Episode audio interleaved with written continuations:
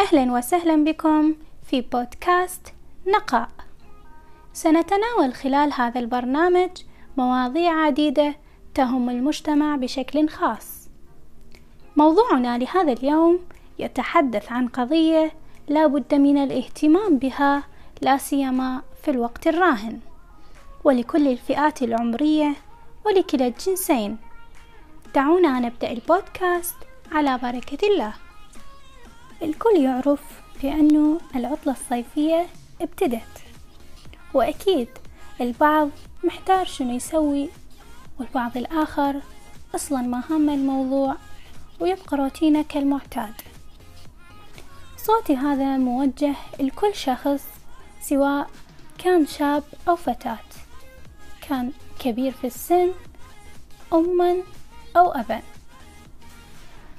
فبالنسبة للشباب الطموح راح يزيد إصرار وللشباب المتقاعس اللي أتمنى أنه يحرك ساكن. المشاريع ما تتوقف أو تعتمد على عمر معين ولا تعتمد على زمن محدد. قد يتحجج البعض بالوضع الراهن وتأثيره على تحركاتنا بس هذا مو سبب كافي.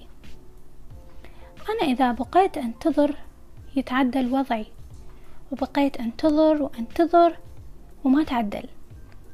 وزادت مشكلاتي واستمرت المعوقات وبالأخير أخسر فرصتي بسبب تأخري عن اغتنامها بالشكل الصحيح. النجاحات ما تجي بالسهل تجي من تحديك للظروف ومن مواجهتك لنقاط ضعفك. تجي من عملك الدؤوب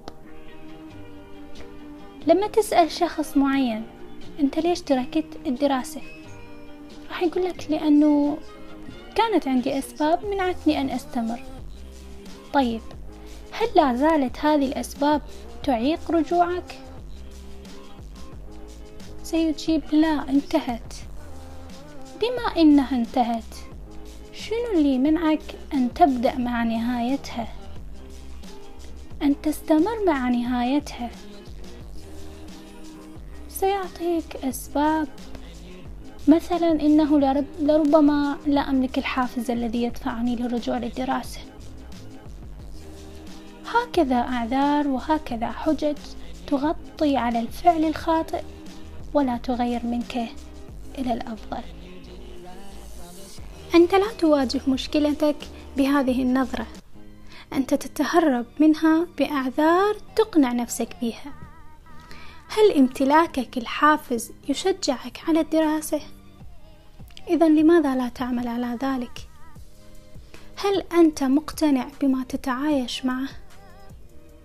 ربما ستجيب نعم مقتنع لتمنع إيجاد الحل أو هروبا ربما أو تخاف من أن تظهر نفسك بنقطة ضعف معينة أمام الآخرين. بالتالي يجب أن نترك الأعذار جانبا. نتناسى الأحداث الحالية المجهضة لأهدافك. بدأت العطلة. هناك من سيقضي الوقت الأكبر نائم وهناك من يقضيه على الأفلام والمسلسلات وهناك من يعمل على تطوير مهاراته بأبسط الأدوات المتوفرة. وجزءا آخر نجده غالبا ما يتذمر ويقضي أيامه بكآبة وفراغ وتضييع الوقت مع من لا يستحق ومع من لا يفيده بشيء. الكلام مهم ليريك جوانب أخرى تجهلها أو تغفل عنها.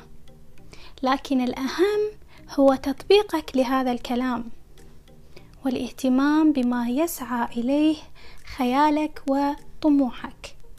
لا تسمح بأن تقف أهدافك على قدر الحلم بل تجاوز ذلك وابدأ من الصفر. إذا كنت تسعى للنجاح يجب أن تعمل كثيرا. وإذا كنت لا تسعى يجب أن تتدرب لتسعى إليه. عزف على آلة تحبها رسم كتابة تصوير قراءة كتب مشاهدة أفلام تعلم لغات تحسين صفات سلبية في الشخصية اتباع نظام صحي وإلى آخره. سيجدها البعض أشياء غير مغرية للعمل عليها. ولو أراد تطبيق ذلك سيفشل في البداية ويعاني ويتذمر وفي نهاية المطاف يترك الأمر. يترك الأمر. لكن بالإصرار تتولد الرغبة من جديد بالاستمرارية والمحاولة. والعمل الجاد باعتبارها ليس عملا إجباريا. فلو كان عملا إجباريا لما تولدت الرغبة؟ في المحاولة. إنما متعة ينجذب الكثير إليها. فغالبا ما نجد الكثيرين ينجذبوا إلى الأشياء الممتعة عند العمل إليها وليس الكل يحصل على ذلك. لذلك عند رغبتك بالرسم أو التصوير مثلا تعتبره شيء يجب عليك أن تعتبره شيء تحب أن تتعلمه. ليس أن تعتبره شيء إجباريا. يجب أن تبدع في مجالك لأن لأنك وجدت نفسك فيه. لا تضع برنامج ولا جدولا. أنصحك. إنما كل يوم عيشه بيومه. انظر حولك يعني كل يوم بيومه. شوف شنو اللي آه، لازم تسويه. تغير ديكور غرفتك تشتري ستائر جديدة آه، تلتقي بصديق قديم وهكذا. عند إنجازك لهذا الشيء دونه في دفترك. دونه في دفترك كل يوم. حتى تحس إنك كل يوم منجز ولو بشيء بسيط. التدرب على هواية يتطلب وقتا يقضي على فراغك. يتطلب تركيزا على هوايتك وليس تفكير بأشياء سلبية. يتطلب استمرارية حتى يتطبع عقلك على أمور أكثر أهمية. بالنتيجة لن أتحدث عن شعور الفرح الذي يعتريك عندما تتفنن أو تتقن فيما أحببته. وأجتهدت فيه. سأدعك, سأدعك تشعر بذلك عندما تفعله. وبنهاية حلقة هذا اليوم أتمنى من كل شاب وفتاة العمل الجاد على كل ما يطمحوا له حتى يتحقق وما يبقى فقط حلم. أتمنى من كل أم أو أب أنه يطوروا مواهب أطفالهم وأيضا يعملوا وما يتناسوا مواهبهم كأب وأم.